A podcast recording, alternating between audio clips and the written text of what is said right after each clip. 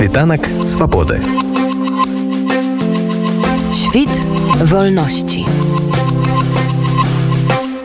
Андрусь гаёвалі мікрафона і вы на беларускай хвалі праграмы світанак свабоды на радыёнет. У аўторак прайшоў другі завяршальны дзень форуму дэмакратычных сілаў Беларусі. Ён ускалыхнуў беларускую грамадскасць шэрагам дастаткова рэзкіх заяваў, а таксама прыняццём дэкларацыі ўдзельнікаў форуму. Падрабязнасці ў рэпартажы нашага корэспандэнта Івана Савановича, які непасрэдна працаваў на форуме. У Берліне прайшоў другі дзень форума дэмакратычных сіл Беларусі. Удзельнікі форума падпісалі шэраг дэкларацый. Сярод іншага удзельнікі прызналі грамадзяніна Лукашэнку міжнародным тэрарыстам і ўжо заходзячы з гэтага плануюць выбудоўваць рыторыку з міжнароднымі арганізацыямі, а таксама адправіць адпаведныя лісты ўрадам краін Еўрасаюза і ў міжнародныя арганізацыі. Таксама форум пачаў набываць выгляд аформленага інстытута. Былі прыняты рашэнні па стварэнні прававой базы для далей далейшай інстытуалізацыі форуму з мэтай уплыву на палітычную сітуацыю беларусі і на абарону інтарэсаў беларускага грамадства адным з мадэратараў форуму быў валерый цапкала ён пракаментаваў мінулы форум акрэсліўшы асноўныя дасягненні і мэты форуму ён таксама пракаментаваў адсутнасць некаторых дзеячаў дэмакратычнага руху на гэтым форуме мы э, как вы видите несколько поменяли формат то есть формат круглого стола который у нас был на первом форуме э, сейчас мы изменили на формат вот этих открытых публичных выступлений с присоединением довольно большого Э, количество людей э, через интернет. То есть такой получается смешанный формат э, присутствия онлайн и офлайн. На самом деле, понимаете, как и в демократии, как и при обсуждении любых вопросов, да, здесь важны в том числе и эксперименты. То есть мы хотим увидеть, что присутствующим, что участникам наиболее близко, какие способы, какие форматы взаимодействия обсуждения вопросов будут потом наиболее востребованы. Поэтому, да, безусловно, мы э, экспериментируем, пытаемся найти разные формы, но самая э, высокая, самая большая ценность, мне кажется, заключается в том, что именно люди приходят э, разные, с разными взглядами на одну и ту же площадку, что у нас принцип инклюзивности, очень важный принцип, э, когда нету кого-то одного, кто мог бы определять, э, имеет ли ты, имеешь ли ты право принимать участие в работе конференции или не имеешь. То есть, если у нас э, человек представляет какую-то инициативу, общественную организацию, политическую партию или инициативу, инициативу, наверное, уже сказал, да, то тогда ты можешь принимать участие в работе этого форума. Э, сейчас мы будем э, пытаться э, создать совет и сначала мы, конечно, будем обсуждать принципы. Но я еще раз подчеркиваю, это принципы, конечно, прежде всего открытости и право любой политической силе, организации, партии, инициативе принимать участие в работе форума. Да, ну, э, э, очевидно, что здесь пока игнорируют, по каким причинам мы не можем понять. Э, возможно, это э, причина – это насыщенная э, международная повестка дня, то есть мы видим, что офис встречается с различными зарубежными политиками, от Албании до Португалии. Вот. И, конечно, здесь это может служить определенным препятствием, почему не принимают участие в работе Белорусского демократического форума. Вот. Не исключено, что есть и другие причины, ну, например, э, нежелание участвовать в дискуссиях. То есть, э, конечно, когда одно дело, э, и это белорусская традиция, на самом деле, которая существует с 96 -го года, когда просто выступает один человек и говорит, будем делать вот так. И все начинают так делать. Да? То есть, когда решение принимается куларно, решение принимается без широкого обсуждения, ну, в белорусском случае это обсуждение Э, в парламенте, а принимается обсуждение среди довольно узкого круга лиц, и все остальные просто должны следовать э, тем или иным действиям. Мы все-таки э, должны понимать о том, что белорусская политическая система, она как бы произросла из вот этих вот 25 лет единоличного управления, и многие элементы, которые мы видим, и многие проявления вот этого поведения, вот, мы видим, конечно, среди достаточно большого количества белорусских политических сил. Безусловно, мы говорим об институционализации процесса демократического, да, на основе довольно простых базовых принципов. Э, это принцип, что политических заключенных и принцип суверенитета белорусского народа, то есть э, право белорусов на выбор себе и политического руководства, и выбор себе политической системы. То есть эти базовые принципы. Э, конечно, и во многих парламентах не все политические силы представлены. Иногда устанавливают пятипроцентный барьер, есть маргиналы, но э, важно, что существуют четкие э, правила, э, по, э, с которыми согласилось все общество. И э, э, здесь либо ты э, как бы соответствуешь этим правилам, либо ты э, являешься лицом, которое эти правила не воспринимает. Тогда ты, соответственно, становишься маргиналом. Э, на самом же деле э, демократия – это всегда объединение людей вокруг неких принципов, вокруг неких базовых ценностей. Автократия – это объединение людей вокруг неких людей, э, которых э, принципы не исповедуют никакие.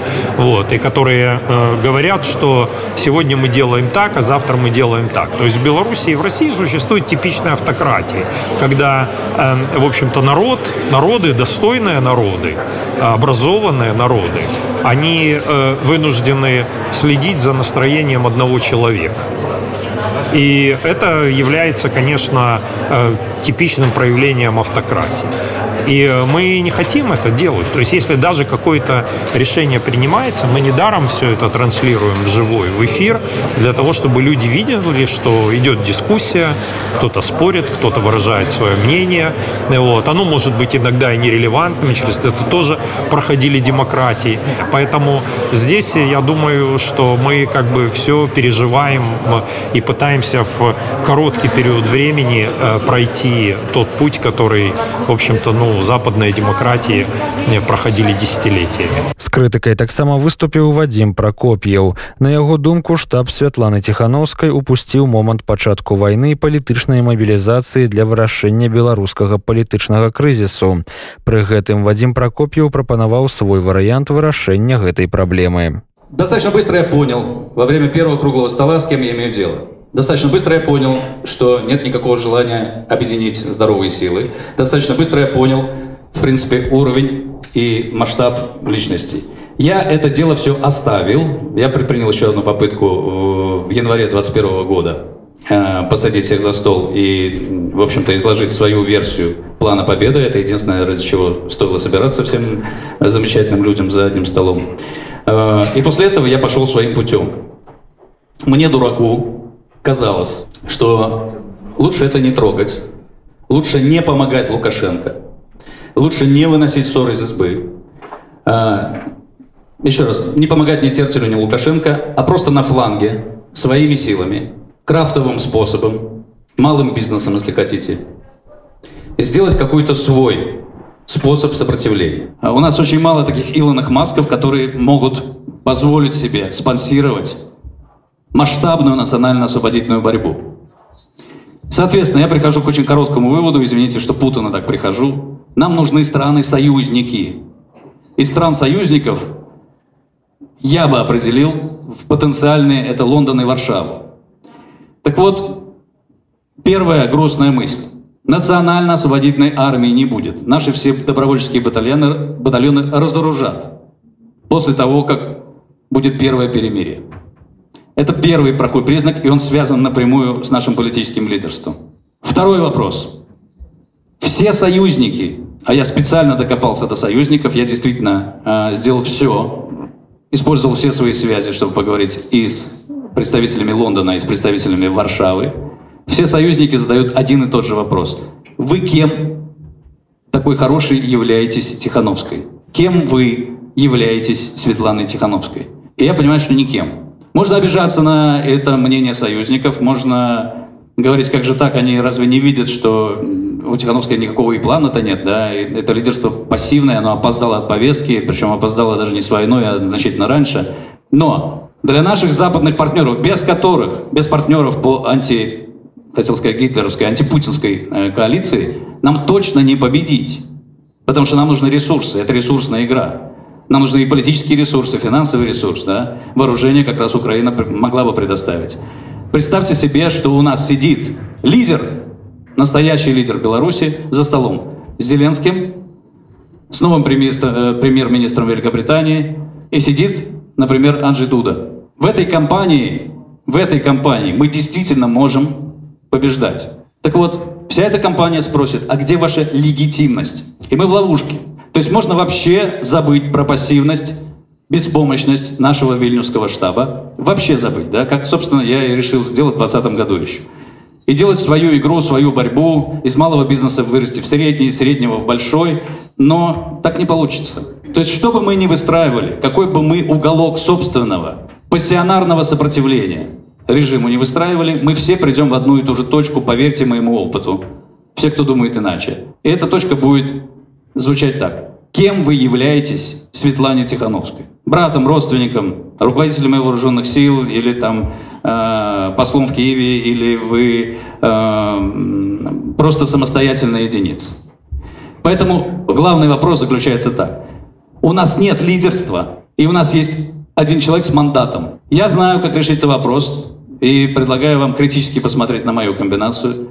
На мой взгляд, решение выглядит следующим образом. Нам нужно сделать из Тихановской Queen Elizabeth. Мы, кстати, снимем с нее массу психологических проблем. Мне кажется, она ужасно измоталась, и вряд ли она может азартно продолжать эту борьбу. Более того, она занимается не очень любимым делом. Это видно невооруженным людям, невооруженным глазом. Еще раз. Тихановская Queen Elizabeth. Меня часто объявляют в популизме, вот вам популизм чистой воды. А у нее премьер Черчилль, руководитель военного кабинета и мы живем в военное время. Тихановская пьет чай с Джо Байденом, пока в соседней комнате премьер-министр разговаривает с министром обороны Остином. Но Тихановская смогла такую встречу устроить, и в этом ее большая заслуга, и в этом заслуга ее международного имени, имиджа и фотогеничности, и обаяния. Если мы делаем двухходовку Е2, Е4, первый шаг, вечерка идет на повышение – послом. Он идет на повышение, понимаете, за выдающиеся заслуги перед белорусским народом. Послом. У него повышение, он идет за выдающиеся заслуги, потому что с вечеркой не сработается ни один премьер-министр, это мы определили уже, да? Он идет в Монголию послом на повышение. Смотрите, отзывается, да? И это будет шаг первый моей простой двухходовки, Е2, Е4. Шаг второй. Нам нужен премьер-министр, который делает вертикальный орган власти, правительство, и который в случае, если не справляется со своими обязанностями, точно так же уходит или подает в отставку. В данном случае знаменитый мандат, легитимность Тихановской работает, как у Квин Элизабет, но у нас есть свой Черчилль. Апроч палітычных пытанняў было ўзнята і пытанне эканамічнай бяспекі беларусаў за мяжой. Шчыра кажучы, узняты ён быў яшчэ на першым форуме. Тады быў прапанаваны варыянт стварэння беларускага кааператыва за мяжой. На гэты раз арганізатары гэтай ініцыятывы зрабілі справаздачу аб праведзенай за гэтыя месяцы рабоце, а таксама прадставілі дарожную мапу далейшага развіцця праекта. З прэзентацыяй выступіў адзін з арганізатараў ініцыятывы веча Вячеслав Япишка. На прошлом форуме мы затронули э, проблему, э, вернее, затронули, да, проблемы белорусов и э, попытались нарисовать способ их решения. Мы прошли какой-то путь после первого форума и готовы представить вашему вниманию то, к чему мы пришли, что мы сделали и что хотим сделать. Самый основной ресурс, который мы имеем здесь и сейчас, это мы и наша количество, сколько у нас находится за рубежом. По нашим оценкам, примерно 800 тысяч человек. Кто-то может поспорить, кто-то скажет меньше, кто-то скажет больше, но э, анализировали мы различные источники, пришли к мнению, что это более-менее цифра э, соответствует действительности. Мы берем всех людей, которые выехали за период там, с 90-х годов до настоящего времени. Озвучивалось, что примерно 200 э, тысяч э, человек – это достаточно активные представители бизнеса, э, вот, поэтому мы считаем, что эта цифра она более правдоподобна. Каким образом мы можем э, использовать этот ресурс? Только объединиться. Проанализировав все возможности, э, возможные механизмы объединения, мы э, нашли способ, нашли форму, как это можно сделать. Кооперация. Единственная форма объединения, которая не зависит от места нахождения белорусов и дает инструменты принятия настоящих демократических решений. Мы проделали некоторую работу в течение этих э, нескольких месяцев, когда э, нашли вот этот э, способ э, объединения и возможность э, решения проблем белорусов посредством кооперации, мы пошли немножко дальше. Первым этапом это феврале, э, с периода с февраля по июнь э, 2021 года, 22 извиняюсь, мы совместно с белорусскими и польскими юристами проработали э, устав самого кооператива. Очень сложная ситуация была потому как э, мы находимся территориально в Польше. Фактически зарегистрировать кооператив ну, было, было крайне сложно. Э, нам помог в этом плане э, в, э, в проработке самого устава и подготовке его к регистрации наш адвокат, к сожалению, он сейчас уехал, это Адам Гамула. Кому будет интересно данные, я его там. Вот он работает непосредственно дальше с нами в системе кооперации, поэтому благодаря ему и Татьяне Сависко, которая тоже входит, э, подключилась к, э, к операции. Вот, мы проработали этот момент и все-таки подали документы на регистрацию. И по словам юриста, регистрация осуществится в этом месяце. Второй момент. Договорились о сотрудничестве и членстве в кооперативе с представителями польского бизнеса. В частности, это микрофинансовая организация Great Ideas. Следующий момент, очень важный пункт, мы договорились э, с банками э, ПКО и Варшавским кооперативным банком, он, ну, польское название Варшавский банк Спулдельши, о льготном открытии счетов для белорусов. В офисе кооператива, который мы открываем в этом месяце, это будет аналог Белорусского дома в Варшаве. Примерно по параметрам то же самое. Мы ждем всех, кто, кто нуждается в помощи. Мы помогаем сделать ПЭС, у кого его нет. Мы отвозим в банк и открываем вам счет. Откуда у вас деньги и сколько вы хотите положить, положить на свой счет, никого это интересовать не будет. Теперь план, к чему мы хотим прийти. Создание видеоресурса, создание э, открыть учреждение и старт работы криптобиржи, учреждение и создание национальной цифровой валюты. Я думаю, что это будет талер он уже есть, где-то договоримся, мы э, согласуем, как это правильно сделать. И что самое важное, это э, ноябрь 2022 года старт программы ипотечного кредитования. Для белорусов, естественно. Следующий момент, который мы хотим сделать, это разработать и финансировать социальные программы для того, чтобы удержать белорусов в нашей белорусской общности. Не дать людям интегрироваться, как бы это, извините, э, Польша, Литва, Латвия, извините, но мы должны сохранить свою национальную идентичность, чтобы было кому вернуться домой. Очень важный момент, исходя из того, что я уже сказал, январь-март 23 года это начало работы отделения собственного банка. Да, это будет. И об этом, в этом направлении идет огромная работа. На 23 год мы запланировали расширение сети собственных предприятий, а также привлечение бизнеса в производство предприятий в различные сферы услуг, а, которые будут работать в составе кооператива. И самое важное – это финансирование политических инициатив и движения белорусского протеста. Світанак свободы. Świt wolności.